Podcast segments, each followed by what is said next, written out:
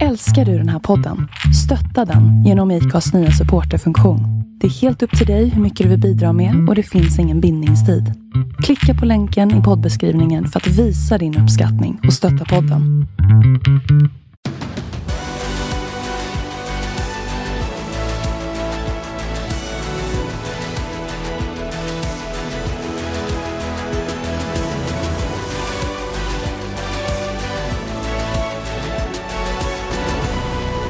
Då är det dags för en eh, MotoGP-podd. Rykande spännande inledning på MotoGP-säsongen 2020. Välkomna till eh, eftersnack efter årets första race och lite framåtblickande mot nästkommande race. Tobias Lajon och Andreas Mårtensson som vanligt. Och eh, hur kändes det efter första prathelgen på riktigt Andreas? Man var lite ovan kände jag. Man blev ganska trött, speciellt på lördagen. Det är mycket på lördagen där med kval och allting, vad det är för någonting i motor 2 och sådär. Så att, eh, nej men det kändes ju äntligen eh, skönt att eh, det drog igång. Mm, jag tycker detsamma. Sen var det ju, var och är tråkigt att det är en massa restriktioner med resor och att det är tomt på läktare och så vidare. Men, men själva inramningen där med, med banan som sådan och, och vädret och förutsättningarna. Jag tyckte det var spännande med den här hettan ettan och, och på något vis nytt. Ny, nytt event blev det. Ja, det blev lite, precis som du säger, nytt koncept på det hela. Och eh, jag tyckte i inledningen av helgen, då var man mer ovan vid det här med tomma läktare och sådär. Men sen när väl racet var igång så tyckte jag ändå att eh, det känns ungefär som vanligt det här. Jag, jag, jag, tänkte inte ens på publiken just under racet. Nej, faktiskt inte jag heller. Jag tror motorsport har en fördel där. Det är både ljud, det är dramatik eh, konstant. Det finns inte mycket det är inga döda punkter ändå. Så att, eh, ja, och, och, sen tyckte de skötte det där bra med filmningen också runt banan. Var det någon skillnad? Det kanske det var. Jag vet inte, jag tycker man har fått mer översiktsbilder, eller så var vi helt enkelt så fokuserade på det som hände på Ja, banan. jag tror nästan det alltså. Men precis som du säger, motorsport har ju generellt sett en, eh, en fördel när det gäller just sådana här saker. Det är en annan sak att se en fotbollsmatch med pålagd eh, publik. Mm. Det, det, blir inte så bra. Nej, det blir inte det va? Nej, jag, jag, är eh, jätteglad att säsongen har kört igång och samtidigt så blev det, blev det så händelserikt där och framförallt eh, eh, några förare som skadade sig, vilket för mig gav lite tråkig eftersmak på helgen. Ja, för mig också faktiskt. Efter helgen kände jag mig också i måndags där för några dagar sedan så det blev inte riktigt som tänkt på något sätt. Eh, med tre ganska allvarliga skador då under helgen som kan göra att eh, alla tre missar nu i helgen också. Vi vet vi inte än. Två av dem ska vi försöka i alla fall. Men det blir, det blir inte riktigt som vanligt. Nej, det var ju också lite så vi spekulerade här med kortare racesäsong, eh, kortare uppehåll mellan racen. Jätteviktigt med den här lägsta nivån rent resultatmässigt och sen framförallt att hålla sig borta från skador. Men det är ju lätt att säga. Vi vet ju båda hur jag skulle säga att den här värmen spelade in i de här krascherna till viss del. Ja, det, det tror jag också. Men även uppehållet spelar viss, eh, viss roll. Du vet ju själv efter ett, ett vinteruppehåll. Är man, är, lever man i den här tävlingsvärlden, då, då vill man tävla. Och får man inte göra det, då blir man på något sätt lite, lite knäpp. Ja, man tappar lite av den här yttersta skärpan också kanske. Kanske. Ja, Ja, jag kände det i alla fall efter en vinter att man, man behöver liksom tävla för att stilla den nerven lite och sen blev man nästan övertaggad. Jag, det kändes som att vi såg lite det hos rätt många förare. Mm. Ja, en händelserik eh, inledande helg i alla fall. Men vi måste ju säga i alla fall att eh, det känns otroligt positivt att säsongen till slut kom igång. För det kändes ju mörkt ett tag här under våren. Det får ju jag säga i alla fall. Ja, jättemörkt. Jag trodde ju till och med att det inte skulle bli någon säsong överhuvudtaget. Det var min, det var vad jag gissade på där någonstans i maj. Men det är, man ska inte lita på vad jag gissar. Det brukar vara fel och det är även så denna gången. Jag tänkte för poddandet här nu då. Eh, positiva och eh, negativa känslor eller eh, saker att lyfta efter första helgen. Och sen också måste vi ju kika närmare på det som hände för Marcus under racet. Och även tycker jag blicka framåt mot eh, nästkommande racehelg. Där har vi nog fyllt en podd va? Jag tror det. Ja, det Vi finns mycket kunna... att prata om efter den här första helgen. Ja, det finns ju det. Vill du, vill du delge någonting av eh, det positiva som du fått med dig efter helgen? Det kan jag göra. Eh, och då tycker jag vi börjar med segrar. Life is full of what ifs. Some awesome. Like what if AI could fold your laundry? And some, well, less awesome. Like what if you have unexpected medical costs? United Healthcare can help get you covered with Health Protector Guard fixed indemnity insurance plans. They supplement your primary plan to help you manage out of pocket costs. No deductibles, no enrollment periods, and especially no more what ifs. Visit uh1.com to find the Health Protector Guard plan for you.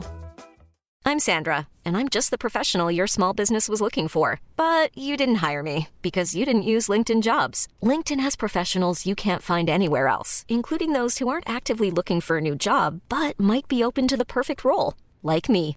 In a given month, over 70% of LinkedIn users don't visit other leading job sites. So if you're not looking on LinkedIn, you'll miss out on great candidates like Sandra. Start hiring professionals like a professional. Post your free job on linkedin.com/achieve slash achieve today. Fabio Quartararo som alltså tar sin första seger i klassen. Han gör det som 21-åring. Eh, Han gör det i sitt 20 MotoGP-race. Så tar han segern och han vinner nästan med 5 sekunder och eh, är helt överlägsen på racet. Är han helt överlägsen. Och är det här oavsett eh, det som händer för Marcus, eller hade det sett annorlunda ut om Marcus hade hållit sig på hjulen? Ja, ehm, det hade det säkert. Men nu gjorde han inte det. Så, så det kan vi komma in på senare när vi kommer till Marquez. Men, men eh, Quattararo gjorde exakt allting rätt. Eh, jag trodde faktiskt inte att han skulle hänga med så pass bra som han gjorde, men han tog sig samman, tog sig förbi de här två Ducati-cyklarna. När, när både Miller och Banjaya tog sig förbi så tog han tillbaka det. Eh, förbi Vinales sen, fick en lucka direkt. Vinales gjorde misstag. Och ehm, ja, jätteimponerande som han... Han kan, han kan inte ha gjort det bättre. Nej, jag håller med dig. Och det, det som är extra imponerande är också hur, hur helgen inleddes. Han var efter. Han, dels hade den här bestraffningen från sina tester som gjorde att han tappade tid i början på helgen. Och eh, det har vi sett många gånger förare som tappar tid på träningarna. De är ofta något halvt eller ett steg efter under hela helgen. Men han, han tog ikapp det och han satte ju en fantastisk pole-tid, även om vi var kritiska till hur det varvet gick till där med gul flagg och, och så vidare. Men, men sen då, som du säger, då, förvalta det och även de här omkörningarna med eh, Ducati-förarna. Svårt, vi sa ju det innan racet, svårt att eh, eh, dra, vad heter, dra nytta utav Yamahans fördelar om man ligger bakom andra förare. Det har vi ju sett förra året, framförallt med Vinales. Att det är extremt svårt att, eh, att ta sig förbi. Han har haft extremt svårt. Men Quattararo har någonting extra att dra fram vid de här tillfällena. Så att han tar sig förbi, tappar inte den här tiden. Och äh, det, är, det är faktiskt jätteimponerande att se också. Och precis som du säger, han låg efter redan första träningen. Men sen tittar man på hans varvtider under eh, FP2 och FP4 så är de inte succéartade heller. Marquez och Vinales var starkare i race pace, men sen till racet, different story. Och det är, ju en, det är ju en extrem styrka att ha den, ehm, och ha det, helt enkelt. Vi såg ju också där från eh, kvalen, han var ju, hade det varit eh, strid på kniven eller verkligen fight om positioner på slutet, han var ju riktigt stark i sista sektorn också, Quartararo, kanske den snabbaste utav alla. Eh, och sen tänkte jag på en sak till under racet där som, som också visar på styrka, det är den här på något vis lugna, han känns lugn och samlad i körningen, det är inga stora tillbud eller eh, sladdar eller någonting, utan Nej, det, det känns stabilt. Det känns väldigt stabilt. Ja. det.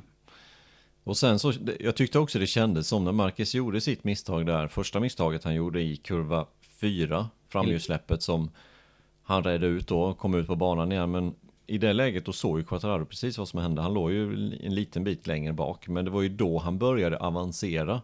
Det kändes precis som att då insåg han på riktigt att det här racet kan jag vinna.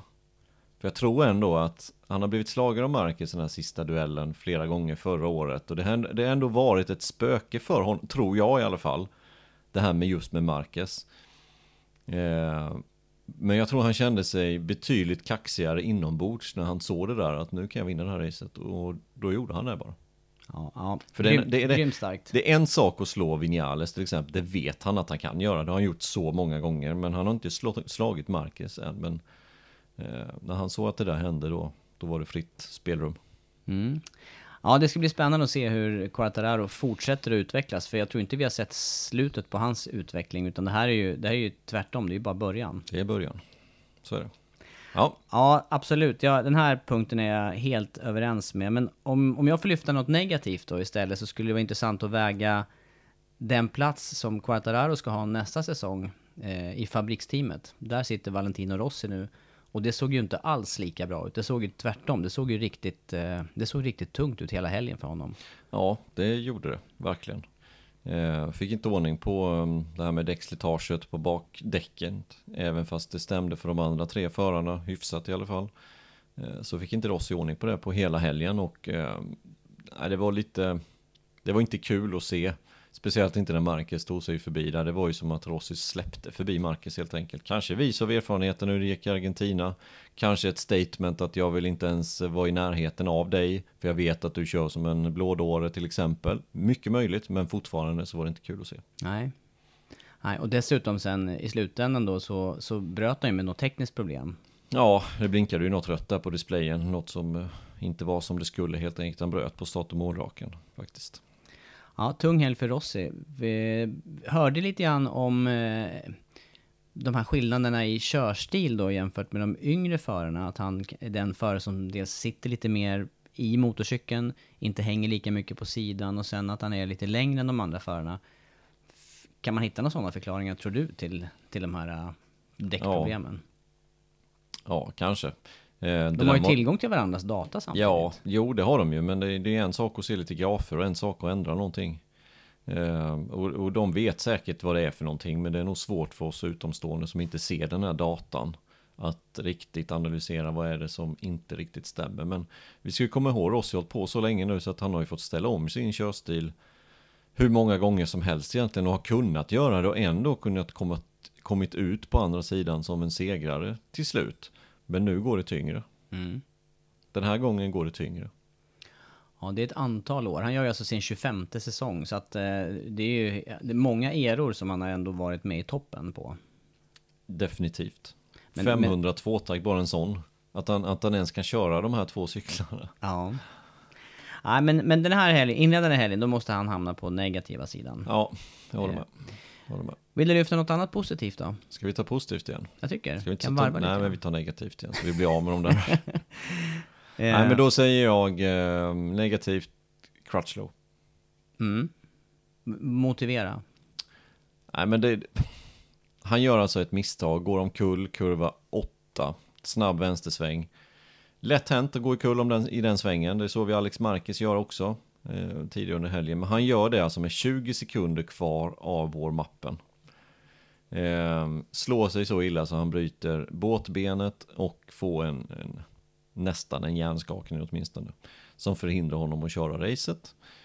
Eh, jag tycker det är, på, på ett sätt kan jag tycka att det här är en klantig vurpa. Och det, det hänger ihop med tidpunkten under helgen Ja, såklart. ja. Tidpunkten under helgen, han behöver inte pusha. Visst, han hade inte gjort någon bra warm-up, han låg typ näst sist när detta hände. Men han hade inte behövt att pusha där och på något sätt så kändes det som när han gick omkull att det, det på något sätt är det typiskt Crutchlow. Ehm, tråkigt för han var så himla snabb under hela helgen. Och kunde definitivt varit med och utmanat om en pallplats. Ja, som, som racet utvecklas sig sen så hade det definitivt kunnat vara så. Han hade varit med i det gänget utan, utan problem med, med Miller och Banjaya och Dovi och Vinales. Ja, och han, ja, med, med erfarenheten där, han är ju duktig att att köra med Ja. sämre fäste. Så att Ja, det hade kunnat varit ett bra tillfälle för honom att kicka igång säsongen. Absolut. Ja, jag med. Det, det är väldigt, eh, det, det är helt fel tillfälle att göra den kraschen han gjorde. Och till vilken nytta det dessutom. Det, förhållandena skulle vara helt annorlunda ändå på eftermiddagen efteråt. Så är det. Ja, ja det är jag med på honom på negativa sidan. Jag vill nästan fortsätta med Yamaha sen också. Eh, Så du fortsätter med negativt? Ja, jag tänker ta- vi, blåsa vi, av Vi där. blåser av dem. Ja, Nej, men eh, teamkollegan till Rossi, Vinales, har ju som alltid varit blixtrande snabb på träningar. Han är snabb på kval, han står i rätt position, han tar starten. Eh, Ja, och sen blir det inte, det blir inte mer än så. Ja, Och då, då är det ju, det är på en hög nivå, men han behöver ju vinna race för att ta en titel. Ja, Och peta ner eh, framförallt då Marcus från tronen. ja, det behöver han. Och nu får han stryka av Quartararo dessutom. Ja. Igen. Det, är ju lite... Det är lite konstigt egentligen att vi tar en negativ punkt. Han blev faktiskt två i racet ska vi komma ihåg. Men jag hade också förväntningar, mycket högre förväntningar på Vinales under racet. Eh, än vad han visade. Eh, han tog starten precis som du säger och då kändes det som att Quattararo låg alltså nere på en femte. Ja, det var, det va? var så långt Eller sjätte. Ja, åtminstone femte var det. Ja. Eh, och han kan inte dra större nytta av det här Vinales utan han blir ifrånåkt. Han blir kappkörd till att börja med, omkörd och ifrånåkt med över fem sekunder. Det är, mm, det är inte bra. Men Det- hur mycket det här- spelar... Den här gången var det ju liksom, han skulle kunna få ett för, en fördel i mästerskapet. Eh, men sen valde han ju, vi var inne på det under helgen. Jag var inne på det redan under ja, både FP4 och på warm-upen att Vinales ser ut att välja det mjuka framdäcket och frågan är hur smart det där var. Mm, han gjorde ju det till slut. Han, Han valde ju det. det. Det var ju han och hade även Rossi det Rossi mjuka. hade det faktiskt. Ehm, grafiken var inte med där riktigt utan jag sa i sändning där att det var bara Vinales men Rossi hade också det mjuka framdäck. Så Rossi och Vinales var de enda två förarna, alla andra gick på hårt. Eh, inklusive då Quartararo och Marquez. Och han gick på det mjuka och vi höjde ett varningens finger redan inledningsvis och så var det ju också. Ehm, det höll inte helt enkelt. Det höll i 5-6 varv och sen så var han tvungen att, att sakta ner helt enkelt. Och det däcket tror jag, jag tror att det förhindrar honom att ta den här segern. Jag, jag tror att han skulle kunna tagit segern annars faktiskt. Hade han kunnat göra en så stark inledning då med eh, ett hårdare framdäck som han gjorde med det mjuka? Det tycker jag att han borde ha kunnat göra.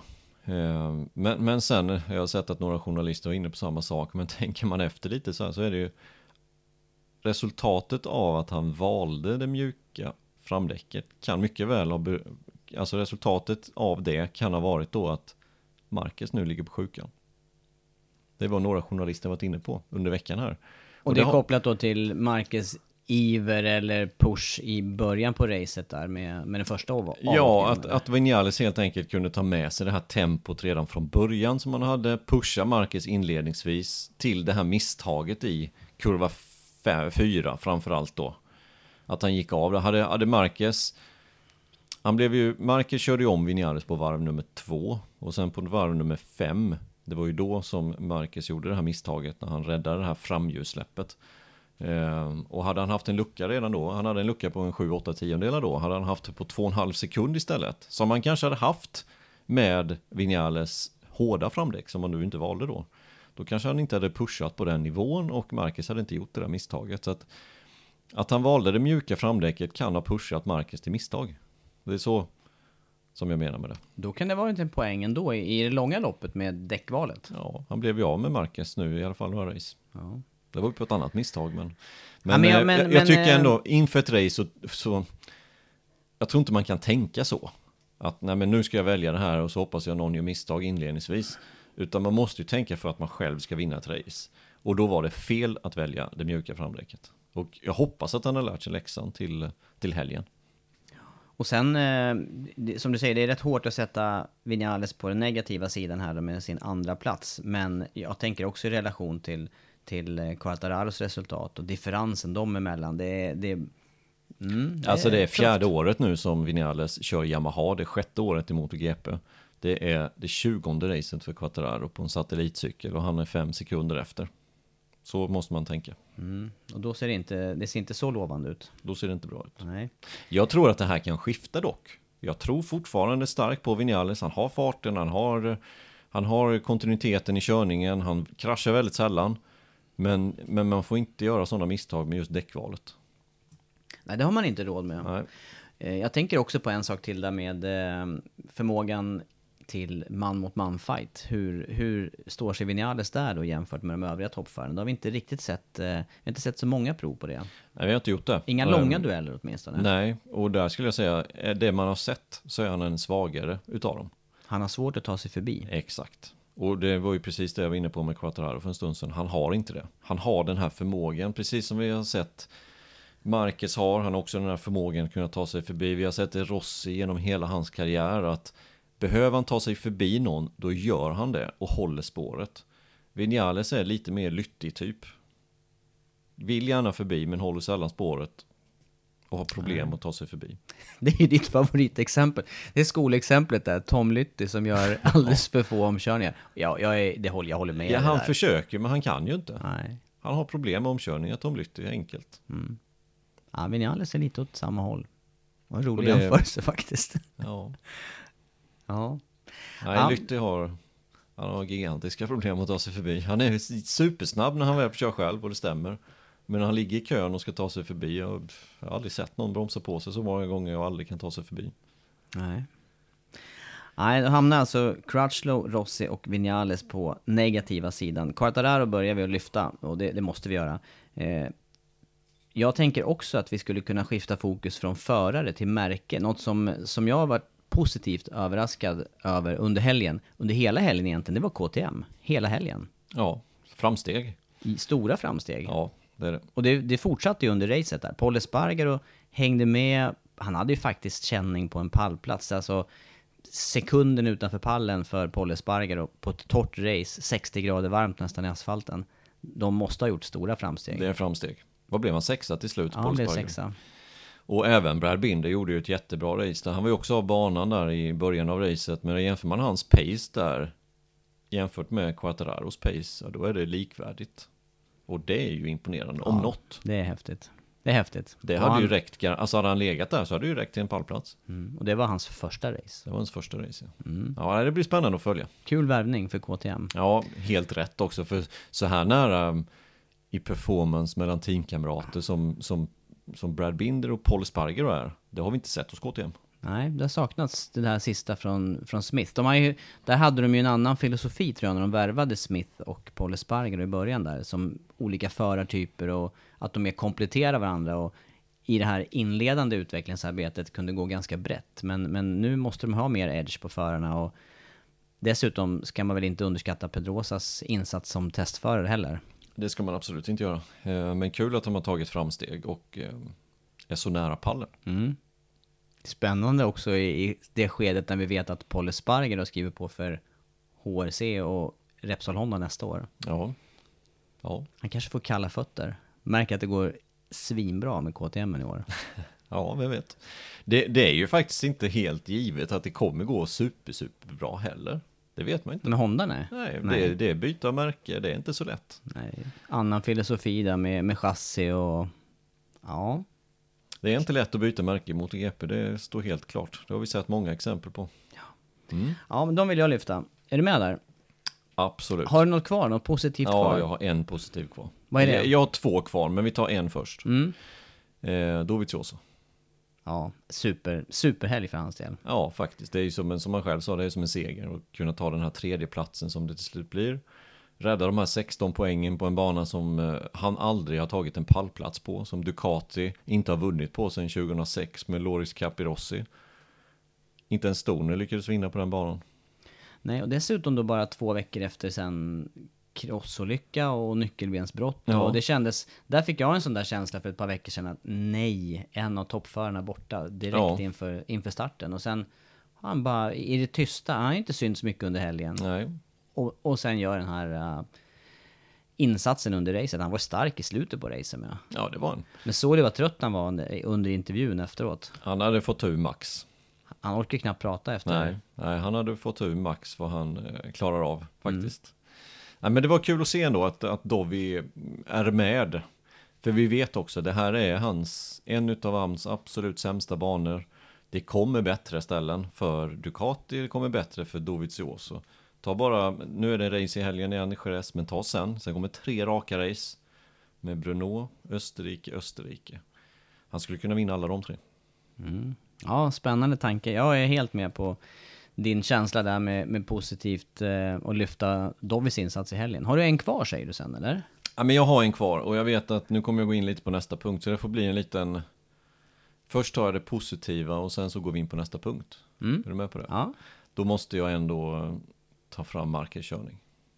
Från varv 5 till han kraschade. Den körningen där, det är nog det absolut bästa jag har sett. Faktiskt. Från honom eller nu, Nej, eller det- drar det du ännu nästan- längre? ja, nästan ännu längre generellt. Ja. Det, det såg ut som att innan han kom ifatt den absoluta tätklungan där precis bakom Quattararo Det såg ut som att det var motor 2-cyklar som han körde mot. Det var ju helt, helt galet vilken fart han hade. Mm, jag, är med på, jag är med på vad du menar. Det, det var inte en fråga om om man skulle passera eller hinna ifatt, utan det var när han skulle vara ikapp och förbi de framförvarande. Där. Ja, det var det. Eh, och han hade ändå på något sätt lärt sig också av misstaget han gjorde i Argentina för ett tag sedan, för några år sedan, två år sedan. När han körde på Aleix Spargero, han hade kontakt med Rossi och det var, det var lite för mycket liksom. Eh. Han körde mycket mer vårdat i söndags. Alltså han väntade ju några svängar innan han körde om på vissa ställen. Det var en omkörning som jag tyckte var tight och det var den på Dovi. Eh, det var den som var tight in i sista svängen.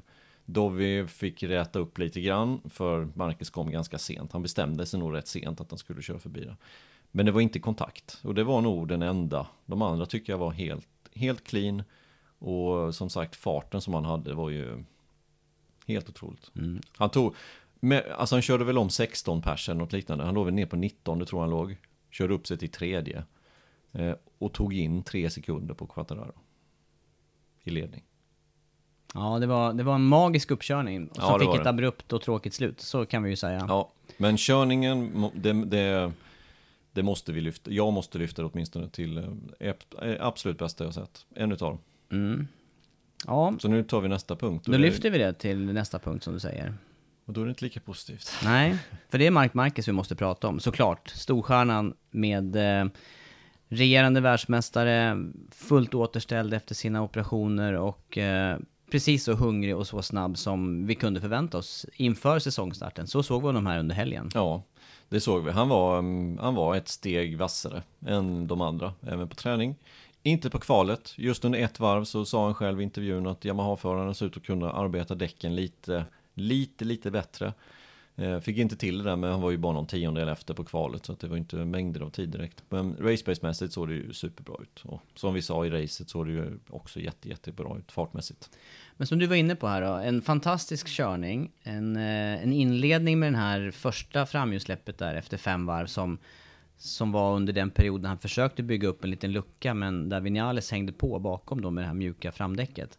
Eh, och, och, den där avåkningen gjorde ju då att eh, den tvingade ju honom till den här uppkörningen där som, som gick rasande fort och som på något vis, eh, i alla fall när vi, när vi såg racet, eller när jag såg det, så tänkte jag att ja, kommer han ifatt nu Vinales, nu har han ju ändå några varv på sig att eh, ta honom eh, och, och passera och, och sen kändes det som att Quartararo han väntade ju mer eller mindre för att se vad, hur nära Marquez kom. Vi vet inte om Quartararo hade någonting mer att ge, men jag, jag ställer mig frågan till om Marquez verkligen hade siktat på en första plats i det här racet, efter, efter första incidenten. Jag tror inte det. Nej, det tror inte jag heller.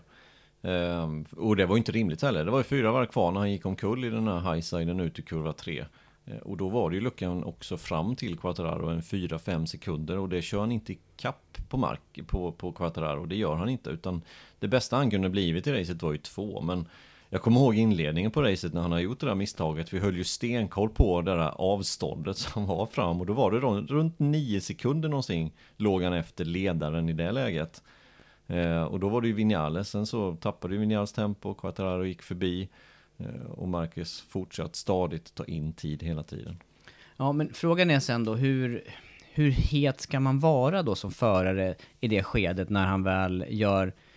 Jag, jag kan faktiskt inte säga fortfarande, men jag är säker på vad det här misstaget berodde på i slutändan. Men, men känslan var ändå att det hade kunnat gå och vara lite mer defensiv för Marcus del. Han hade ju ändå farten och hade några varv på sig att förbereda en omkörning utav Vinales som som jag är övertygad hade kommit förr ja, eller senare. Ja, det... ja, ja, ja, misstaget kom det, var ju, det, det, blev ju, det blev ju riktigt tråkiga följder med det här överarmsbrottet för Marcus del. Ja, men måste också komma ihåg att Marcus kör på det här sättet. Han, han kör på det här, han har närmre till gränsen än alla andra förare. Eh, vilket gör att han går över den här gränsen ibland. Och i min värld så är det inte riktigt ett misstag det han gjorde heller. Ehm, det, man kan hävda att det är ett misstag när man går omkull, men ett misstag för mig det är när man bommar inbromsningen, försöker hämta hem spåret, tappar framhjulet eller kör på någon. Eller, det är ett misstag för mig. Lite som hans bror gjorde där under, tidigare under helgen, det här kraschen i kurva 8. Ja, ja, exakt. Ja. Han kommer lite snabbt in i svängen, kommer lite utanför spåret och går omkull. Det här var inget sånt misstag, utan det här var ett, en eh, konsekvens av att han, han laddade hårt helt enkelt. Han var nära gränsen hela tiden, han gick över den här lilla gränsen. Men jag vill inte kalla det ett misstag, riktigt. Eh, vi Mer, inne- mer att det ingår i spelet, Ja, exakt. så blir det. Ja, så blir det när man ligger nära gränsen. Mm. Då blir det så här. Och jag vill inte som sagt säga att det är ett misstag, men vi var inne på under sändning där också, och jag har tittat på det noga nu i efterhand. Var han på kurpsen? Var det det som gjorde det? Tittar man då på bilderna precis, precis tiondelen innan det händer, så ser man att Vinales ligger längre upp på kurpsen än vad Marcus gör. Tittar man från varv nummer två, eh, som jag också har gjort, då ligger Marcus jätte, jättelångt upp på kurpsen i den svängen. Så det betyder ju att det var hans vanliga linje. Att han åkte omkull på kurpsen, det var inte det var inte det som gjorde det helt enkelt, utan det var att han laddade för hårt. För ibland har man ju sett det förare som, som går upp på kurpsen och tappar fram, tappar fram hjulet eller som eh, ja, Lorenzo gjorde på Sachsenring för några år sedan. Han var uppe på kurpsen och, och gick omkull. Då är det ett misstag. Ja, nej, vi vet ju också, eh, jag tror faktiskt att det är Jerez också, där Marcus för några år sedan använde insidan i kurva 5 rätt mycket för att få fart ut på rakan. Också upp över curbsen där. Ja. Och det är bra fäste på kursen, det vet vi ju. På, på Jerez är det det. Så det var inte det det berodde på. Det berodde på att han laddade för hårt. Han var för nära den här linjen. Det är sånt man får räkna med i racing. Sånt som händer. Min erfarenhet är också att när däcken har gått ner sig mer, då, är, då har man ännu mindre marginal Ja. från, från när det släpper till att man faktiskt kraschar. Ja, Så att eh, kan ju också spelat in att det var ett par varv kvar och han hade gjort den här uppkörningen då. som hade säkerligen tagit mer på däcken än för de andra. Ja. Absolut. Men du, eh, det här med eh, följderna då, vad innebär det här för Marcus del fortsättningsvis? Och vad, vad har det inneburit redan under veckan här nu då i, i media? Ja, Kanske blev två, Nej, eh, kanske blev två punkter igen här. delvis vad som har hänt med Marcus fram till dagsdatum. Det är alltså onsdag idag när vi spelar in det här, onsdag förmiddag. Och eh, det som har hänt är att han eh, lades in på observation då i Jerez under söndagsnatten. Flögs till Barcelona på måndag förmiddag. Sen bil vidare, transport då till det här sjukhuset där Xavier Mir, Dr. Mir, där han arbetar i centrala Barcelona. Opererades där tisdag morgon. Um, och allting hade gått bra, man var ju lite orolig för den här nerven som sitter som har vållat så stora problem för många andra förare som har slagit av överarmen. Men det var ingen skada på den överhuvudtaget utan man helt enkelt skruvade ihop um, överarmsbenet. Uh, och nu ska han ju vara kvar på sjukhus upp till 48 timmar, det brukar ju vara standard, han har ju varit nedsövd sådär. Så att race i helgen, det, det blir det ju definitivt inte tal om. och, vi, har inte och vi fått någon prognos igenom, heller. Nej, och vi gick ju igenom redan på söndagen där eh, när vi, eh, när vi hade avslutat sändningarna så kollade vi ju lite grann på den typen av olyckor då. Det är ju, det är ju en... eh, Det är inte en vanlig, en vanlig typ av fraktur, inte i roadracing-sammanhang. Och ganska lång läkeperiod, i alla fall om man pratar vanligt folk. Ja, och, och det är ju inte, vi har ju sett några benskador. Rossi har ju kommit tillbaka från en, en benskada två gånger ganska snabbt. Men det här är en annan typ av skada för det sitter på armarna och armarna måste du ha. Ett ben går att köra runt på något sätt men det går inte att köra runt en arm för du måste ha den när du bromsar och accelererar. Och det här är höger dessutom så att det kommer ta längre tid än en vecka. Frågan är då hur lång tid, för det, Ja, det är så det komprimerat, men det är komprimerat raceschema. Tittar vi på kalendern här framöver så är det ju dubbelhelg nu i Jerez och sen eh, en vecka ledigt. Eh, Sen är det Tjeckien och därefter dubbelhelg på Red Bull Ring. Och de tre veckorna ligger ju dessutom intill varandra. Därefter litet uppehåll då till 13 september. Ja, alltså han, innan operationen så siktade de på att vara tillbaka till 9 augusti i Brno. Eh, det vill säga efter operationen till FP1 så är det 17 dagar. Det kommer inte gå. Det, det har jag extremt svårt att tro att det ens är på kartan faktiskt. Jag tror att han kommer missa fem race. Eller fyra till då med den nollan som han nu hade. Och komma tillbaka till Misano. Det är min gissning. Och då är det 13 september. Då är det 13 september, då har det gått då ja, sju och en halv vecka cirka. Efter skadan. Det känner jag är rimligt. Men vem vet, Bruno tror jag inte på. Kanske någon utav Red Bull Ring-racen. Men det mest rimliga är ju att han, han tappar fem race. Eller ja, Och då, nolla plus och då fyra fattar race. vi ju alla vad det innebär för mästerskapet, hur det öppnar upp för andra förare redan, eh, redan under racet på Jerez. Selling a little or a lot? Shopify helps you do your thing however you cha-ching. Shopify is the global commerce platform that helps you sell at every stage of your business. From the launch your online shop stage to the first real life store stage, all the way to the did we just hit a million orders stage. Shopify is there to help you grow. Shopify helps you turn browsers into buyers with the internet's best converting checkout. 36% better on average compared to other leading commerce platforms because businesses that grow grow with Shopify. Get a $1 per month trial period at shopify.com/work. shopify.com/work. How would you like to look 5 years younger? In a clinical study, people that had volume added with Juvederm Voluma XC in the cheeks perceived themselves as looking 5 years younger at 6 months after treatment. Look younger, feel like you. Add volume for lift and contour in the cheeks with Juvederm Voluma XC. Reverse signs of aging by adding volume to smooth laugh lines with Juvederm Volure XC. For important safety information and to find a licensed specialist, visit juvederm.com. That's J U V E D E R M.com. Not for people with severe allergic reactions, allergies to lidocaine, or the proteins used in Juvederm. Common side effects include injection site redness, swelling, pain, tenderness, firmness, lumps, bumps, bruising, discoloration, or itching. There's a risk of unintentional injection into a blood vessel, which can cause vision abnormalities, blindness, stroke, temporary scabs, or scarring. Talk to a licensed specialist to find out if it's right for you. Ever catch yourself eating the same flavorless dinner three days in a row? Dreaming of something better? Well, HelloFresh is your guilt-free dream come true, baby. It's me, Kiki Palmer. Let's wake up those taste buds with hot, juicy pecan-crusted chicken or garlic butter shrimp scampi. Mm. Hello Fresh. Stop dreaming of all the delicious possibilities and dig in at HelloFresh.com. Let's get this dinner party started.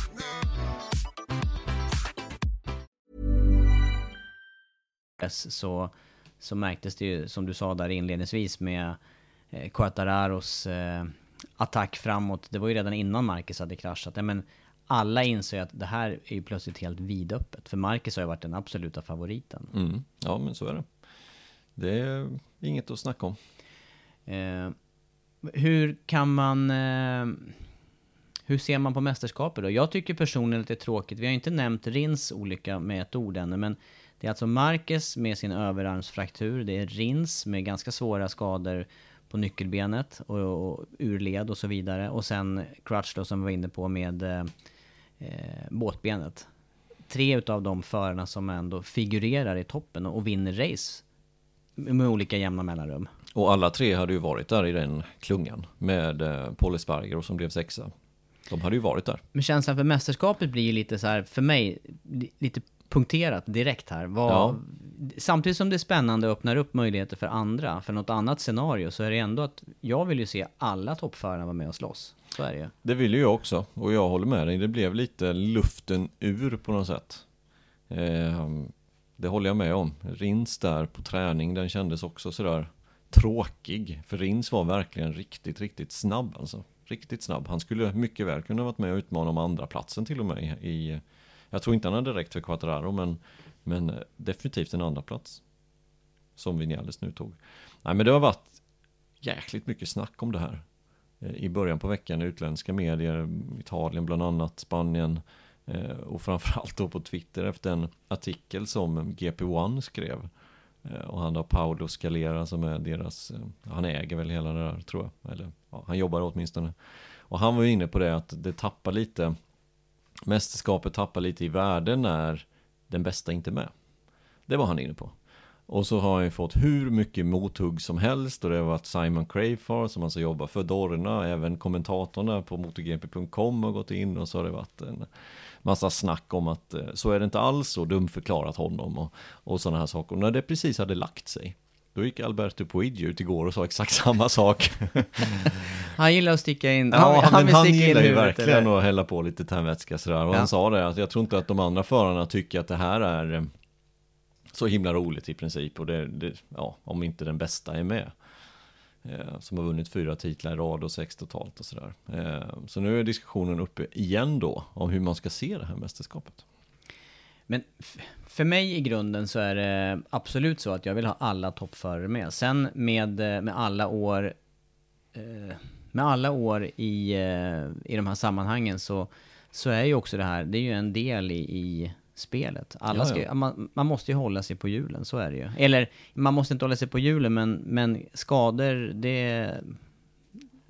Det, är här absolut är, ja, men no, det här no. är, det här mästerskapet, MotoGP, roadracing, motorcyklar, det handlar om så pass mycket mer än att bara vara den snabbaste på banan.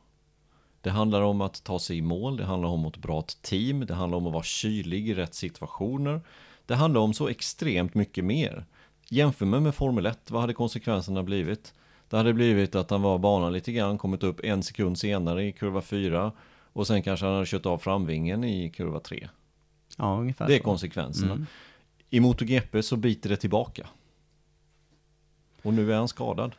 Ja, och det, vi, har Det sett, skillnad. vi har sett det här förr i historien också. Det är många utav de absolut bästa. Jag, något som jag drar mig till minnes långt tillbaka i och för sig då, det är ju Mick Doohan som, som bröt benet illa på Assen där 93, 94, 92 var det kanske till och med. Wow, länge sedan. Ja, nej men tar vi den Nej, men- till exempel, då bröt han ju ben. Han var ju, han, hade ju, han var ju helt överlägsen den säsongen, 92. Bröt benet, passen. Och till slut var det ju Rainey som, som vann det året, 92. Och Men man kan ju fortfarande inte se Rainey då som inte en, en värdig vinnare. Det är klart att alla som vinner årets mästerskap kommer vara en värdig vinnare, för de har gjort det lite bättre än de andra. Tar man flest poäng, då vinner man. Enkelt. Mm. Det är det som är skönt med den här. Det är ingen bedömningssport. Det är så. ingen bedömningssport. Jag tycker inte om bedömningssporter. Det här är svart eller vitt. Mm. Flest poäng efter säsongen vinner. Eh, och prata om att eh, han var skadad, ja. Han pressades till misstag. Människor gör misstag. Marcus gjorde ett misstag. Han får betala dyrt för det. Men, räkna inte bort honom. Gör aldrig det med Marcus. Det går inte. Nej, det finns ju fler exempel på de här skadorna som har, som har skett under säsong. Eh, Rossis benbrott 2010. Ja, och ska man då se Lorenzo då som mästare 2010, ska man se det då som, som inte värdig? Det är klart man inte kan göra det. Jag har många exempel till här. Jag har, ehm, som du sa, den första jag kom också att tänka på det var just Rain i 92 när Doan skadade sig. Ehm, Men då kan vi även ta Swans 93, när Rainey skadade sig Mm. Ja, och ja. blev förlamad. Eh, Det var också en sån här säsong där Swans hade inte vunnit det mästerskapet om Rainey hade varit hel. Vi har eh, Krivil 99 Mm. när Dohan skadade sig. För övrigt nästan på samma ställe där Marcus gick omkull på. Det var det som förstörde Det Dohans blev, det blev slutet på karriären. Det blev slutet på karriären Mm. där för Mick Dohan efter en krasch där på träningen. Och då gick eh, Krivil upp och vann mästerskapet. Vi kan ta År, Hayden. året efter skadade Krivil handen. Ja, och då vann Roberts. Då vann Roberts. Eh, Hayden 2006. Ja, Rossis hoj gick sönder flera gånger. Laguna Seca till exempel. Men, vad jag vet, så gjorde Rossi ett eget misstag. Sist, första varvet eller andra varvet eller vad det var för I. Valencia ja. På Valencia. Och Hayden hade flest poäng när man summerade. Och sen var det just då som du sa, Lorenzo 2010. Eh, vi kan ta Lo- Lorenzo 2012 också för den delen. Stoner skadade sig illa. Stoner vann ju 2011, Honda var helt överlägsen. Eh, skadade sig under 2012 års säsong i Indianapolis. Ja. Missade två, tre race. Världens längsta flygfärd tror jag det, Det var. kan man säga. Det var en riktig, riktig flygfärd. Ja, det Och det det. gjorde egentligen att Lorenzo vann 2012 också. Vi kan ta Marquez 2013. Pedrosa, Lorenzo skadade sig. Båda två ja. Båda två nästan samtidigt där. Assen, den här berömda som, eh, som Lorenzo gjorde, blev femma där, kom till Sachsenring, skadade sig på träning, var borta något race. Och Pedrosa också på saxen. Ja. Jajamensan. Så då kan vi ta den också. Vi kan ta Lorenzo 2015. När han fick eh, hjälp av Marquez enligt vissa tyckare. Mot Rossi. ja. Eh, ja, det, det finns många exempel. Din slutsats i det här blir ju att det, den som vinner mästerskapet är naturligtvis värdig mästare. Eller hur? Så är det. Ja, många exempel som sagt. Och det, det, den jämförelsen där med, eh, med, med eh, annan racing är ju som du säger att eh, eh, Eh, på två hjul, det, föraren är väldigt eh, utsatt, så är det ju. Det kan vi konstatera. Det kan vi konstatera. Ja. Men sen har jag tittat lite till här. Ja, vi antar att säsongen är 13 race. Det är så som det är planerat. Och vi sa precis att vi tror att Marcus missar fyra race till, det vill säga fem totalt. Skulle under ske, det kan ske under, men vi vet inte helt enkelt. Först och främst, hur många poäng kan, kan de ta ihop på de här fem racen? Du menar andra förare? Ja, exakt. Marcus kommer ha noll om han inte kör. Mm. Det är uppenbart. Mm. Nej, men, Men andra jag förare? eller tänkte du på någon speciell förare Nej, där? nej, men jag tänkte bara på i mästerskapet. Hur många poäng kan de ha kommit ifrån med, tror du? Eh, de kommer inte, det kommer inte vara lika tydlig... Eh, se, alltså det kommer inte vara lika tydligt, tror jag, en förare som vinner race. Utan jag tror att det kommer vara en blandning med förare. Men du Och nämnde då ju tar här, de ju poäng av, av varandra. Precis, så Mm. då drar de inte ifrån lika mycket här. Men, men jag skulle säga att en förare som lyckas bra under den här perioden då på fem race har eh, kanske kört in 100 poäng. Mm. Det är min... Det är min Ja, det kan eh, nog, det kan nog stämma. Jag, jag tittade bara några år tillbaka här. 2015, nu då- tar jag efter fem första racen, det är så jag har räknat, det är olika banor vi kör nu och sådär. Så men de första fem racen. Rossi ledde 2015 års mästerskap med 102 poäng. 2015. 2016 ledde Lorenzo på 90 poäng. 2017 ledde Vinales på 85 poäng. 2018 ledde Marquez på 95. Tar vi nästa förare då efter Marquez, då var det Vinales, han hade skrapat ihop 59 poäng. Förra året, 2019, då ledde Marquez på 95 poäng då också. Tvåan hade skrapat ihop 87 poäng. Maxpoäng på de här fem racen, det är 125. Om Quartararo vinner samtliga fyra race som är då, som återstår innan dess. Så 100 poäng är nog, det är nog ganska bra gissning. Jag tänkte mig så här, jag tänkte Dovizioso att han kan upprepa ta en tredje plats Och sen så vinner han tre raka. Där är uppe på 32 plus 70 75. Det är 107. Mm. Jag tror att där någonstans, mer än så, tror jag inte riktigt att någon kan skrapa ihop. Nej, Nej det, det skulle jag också säga. Det, det tror jag blir svårt faktiskt. Eh, Så, men säg, säg runt 100 poäng. Tittar jag på förra året här, då var ju Marcus helt överlägsen och så lägger vi andra faktorer åt sidan.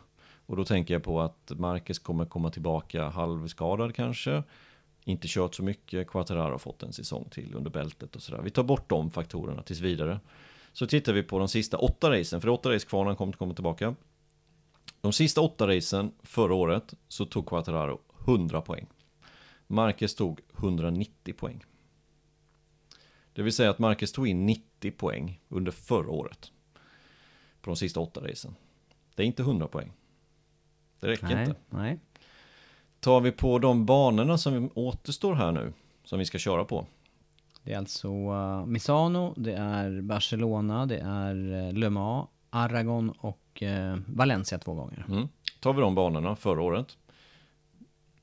Då har Marcus 200 poäng, för han vann samtliga de racen. Enkelt räknat. Quartararo i sin tur, han tog 130 poäng på de åtta banorna. Det vill säga att då tar Marcus bara in 70 poäng. Det räcker inte. Nej. Eh, min slutsats är att om ledaren i mästerskapet efter fem race har 100 poäng, då vinner inte Marcus mästerskapet. Enligt statistiken. Det låter ju, och då har du ändå som du säger inte tagit hänsyn till eh, det här med eh, hans form efter Nej, comebacken. Nej, det har jag inte gjort. Nej. Ja, det låter ju högst rimligt och, och jag tänker också att eh, mm, det, det ska till en bra inledning för någon före. Då vi ligger ju bra till med de här banorna. och vi vet att han är stabil. Ja. Men räkna inte bort Quattararo. Han blev trea på Red Bull Ring förra året efter Marcus Dovi. Och så högt trodde vi inte en Yamaha-förare kunde komma på den banan. Eh, så att vem vet hur det här kommer sluta egentligen. Men det, det kommer bli, kommer Marcus tillbaka till race nummer 6 då kommer det bli tufft. Men det är klart, har ledaren 70 poäng och så kanske Marcus hinner köra in, han kanske kan göra comeback till sista Red Bull Ring-racet och köra in så att han kan bli femma, sexa, ta 10 poäng. Ja, då är man nere på kanske 60 poäng. Då, är det, då skulle det kunna gå. Jag skulle säga det, det här kan ju faktiskt göra att han, eh, att Marcus då känner lite press på att komma tillbaka tidigare än vad han borde just för att, Ja. just för att rädda poäng. Men då är det ju så här, han gjorde ju två ganska grova misstag i första racet. Då får han göra noll misstag resterande säsong. Ja, Ja, intressant det- det ser läge i inte- alla fall. nej, det ser inte ljust ut. Det ser inte just ut för Marcus, det kan vi konstatera. Och, Men- eh, Nästa sak då som jag tänkte på.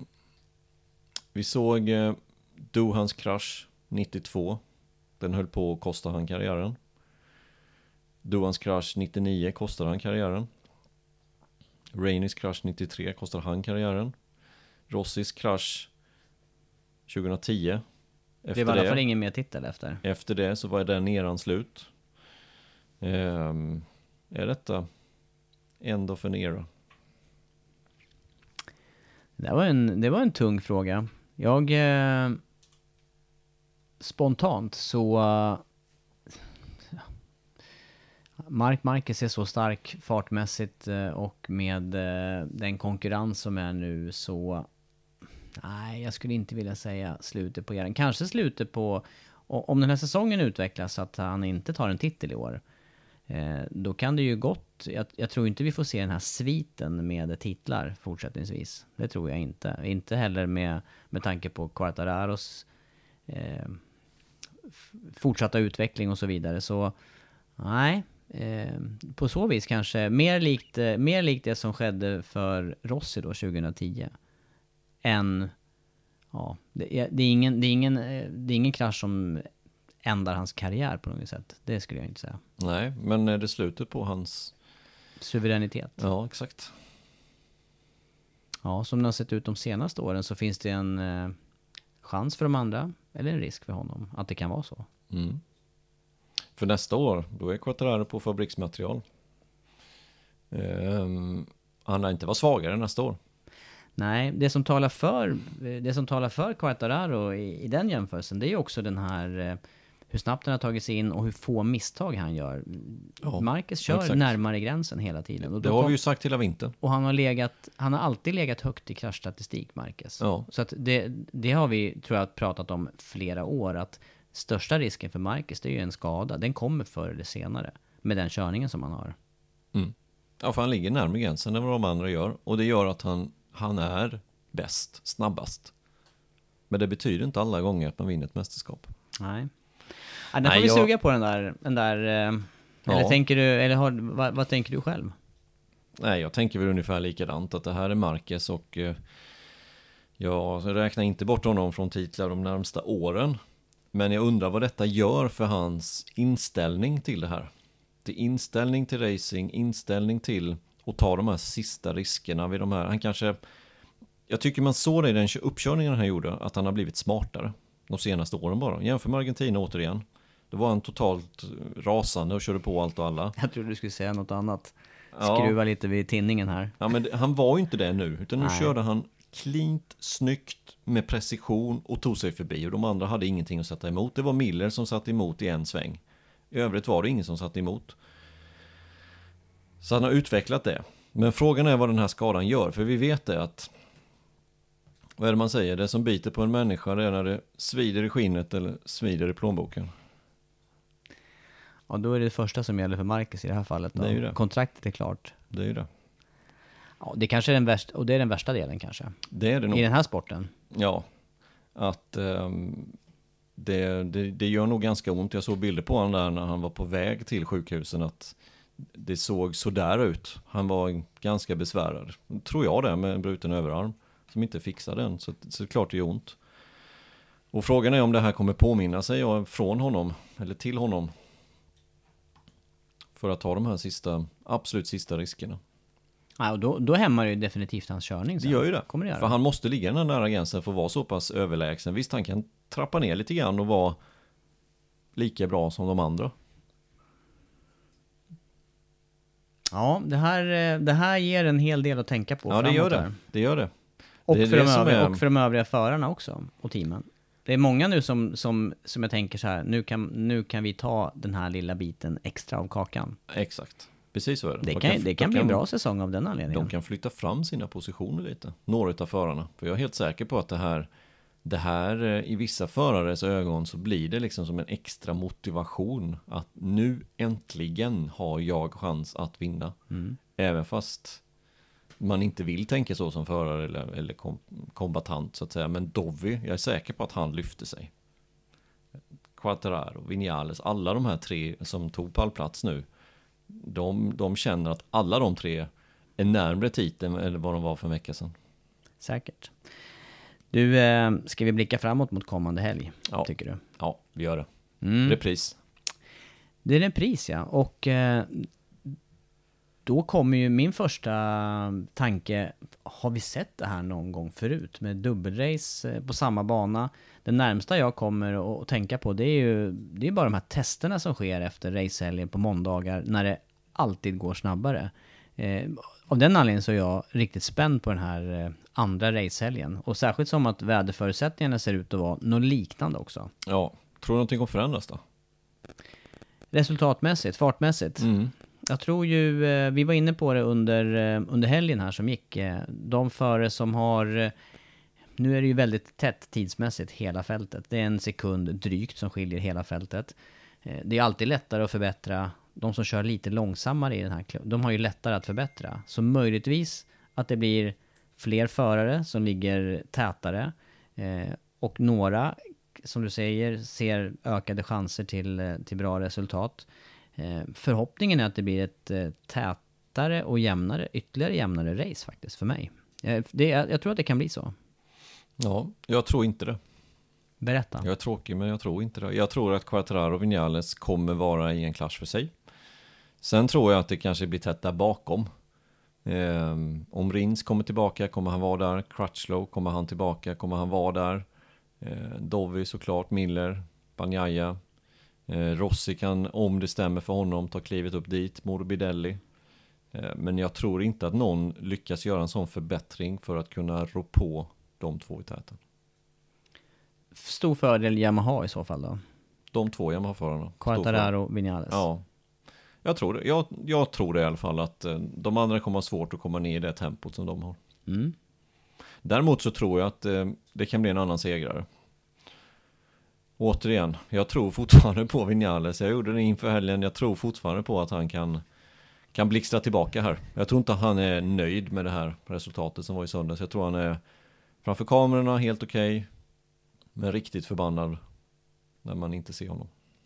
Men dåres envishet, hävdar du att det är Ja, så? exakt. Precis så är det. Även fast, fast jag är superimponerad av Quattararo, vore kul om han vann ett race till. Ja, jag eh, har väldigt svårt att, att tippa den här utgången på andra helgen. Men, men tittar man på tiderna som du säger, det var ju, det var ju en, eh, en klar eh, överlägsenhet från Quartararo till slut. Där. Det, det, där var den stora luckan. 4,6 sekunder blev det till slut till Vinales just. Ja. Eh, mm. Dovi sa att han gjorde precis så mycket han kunde. Jag tror inte han kan göra mer. Nej. Jag tror Vinales dock kan eh, köra in sig på eh, det hårda framräcket redan från början. Så man inte, för det är lätt att låsa fast sig vid att nej, men det mjuka känns bäst över ett varv och det är det jag vill köra racet på. Och sen så försöker man hela tiden förbättra det och tror att det ska gå. Men sen så visar det sig i slutet av helgen att det går inte. Eh, jag tror att om, om han börjar på det hårda framdäcket så blir det bättre för hans del. Och jag tror att han har, han har nog lärt sig den läxan. Tror jag. Och då kan vi se att han kan förbättra sig mycket. Men jag har svårt att se att någon annan ska kunna förbättra sig så pass mycket så de hänger med i Quattararos tempo. Ett namn som vi inte har nämnt alls, som jag lite tappar bort här också, som kraschade ur racet. Juan Mir. Skulle kunna vara snabb och med i den här, åtminstone i gruppen bakom eh, Ja, ja men exakt. Bakom där tror jag det kan vara tätt. Mm. Eh, Rins med, kommer han vara där? Crutchlow kommer vara där om han är med. Kommer teamen att ha samma upplägg då till den här andra racehelgen? Är det samma procedur här från FP1 till, eh, till helgen igenom? Ja, i stort sett kommer det ju vara det. Men det finns säkert saker och ting som de har lärt sig här under första helgen som de gör lite annorlunda. Förbättra vissa saker. Ja, det finns lite att jobba på. Men det blir intressant att följa och se vad detta har med farten, vad, vad som kommer hända med farten Ja, jämfört med förra helgen. jag tror i alla fall att det går att kapa, jag tror att man kommer kapa lite grann på poltid. Jag tror att det går att eh, kapa aningen på racetid också. 41.23 höll eh, Quartararo på den här gången. Sen behöver han ju inte göra det om han har, skulle han ha lucka andra racet så är det klart han inte, det spelar ju ingen roll. Men, Nej, men det, kanske inte- visar, det kanske visar den här uh, utvecklingen i alla fall som normalt sett sker. Vi har inte sett vad, hur snabbt Quattararo kan åka. Vi har, hade- sagt, vi har sagt den som ligger i ledning, den visar inte hur snabbt den åker. Så är det ju. Han hade, ingen, han hade ingen som, han hade inte sånt behov den här Nej, gången. nej. Han har inget sånt behov överhuvudtaget. Så att Quattararo kommer definitivt kunna åka snabbare och jag tror att den enda som kan hänga med, som har rimlig möjlighet att hänga med i det tempot är Vinales. Nästa race är ett par dagar bort bara. Ja, så är det. Är du laddad? Ja, det ska bli kul. Nu är vi på motor denna helgen. V-sport motor, ingen Formel 1 i helgen. Eh, Så vi får kanalen för oss själva. Mm, det, blir, eh, det blir fullt fokus på MotoGP. Jag tycker det ska bli kul. Eh, Man får försöka... Jag kan inte låta bli att tycka att det är tråkigt med skadorna, men det öppnar å andra sidan upp för fler förare i, i toppen här. Det tillhör MotoGP, kan vi konstatera efter den här pollen va? Mm, jag tycker vi kan avrunda med de orden, eller vad säger du? Jag tycker det. Tillbaka på fredag, samma tider som eh, förra helgen. Jag kommer lägga ut en sån här liten bild när alla tider, alla sändningstider, men eh, i vilket fall som helst 9.45 FP1 fredag. Racestart 14.00, uppsnack 13.25 söndag. Tack för idag. Tack!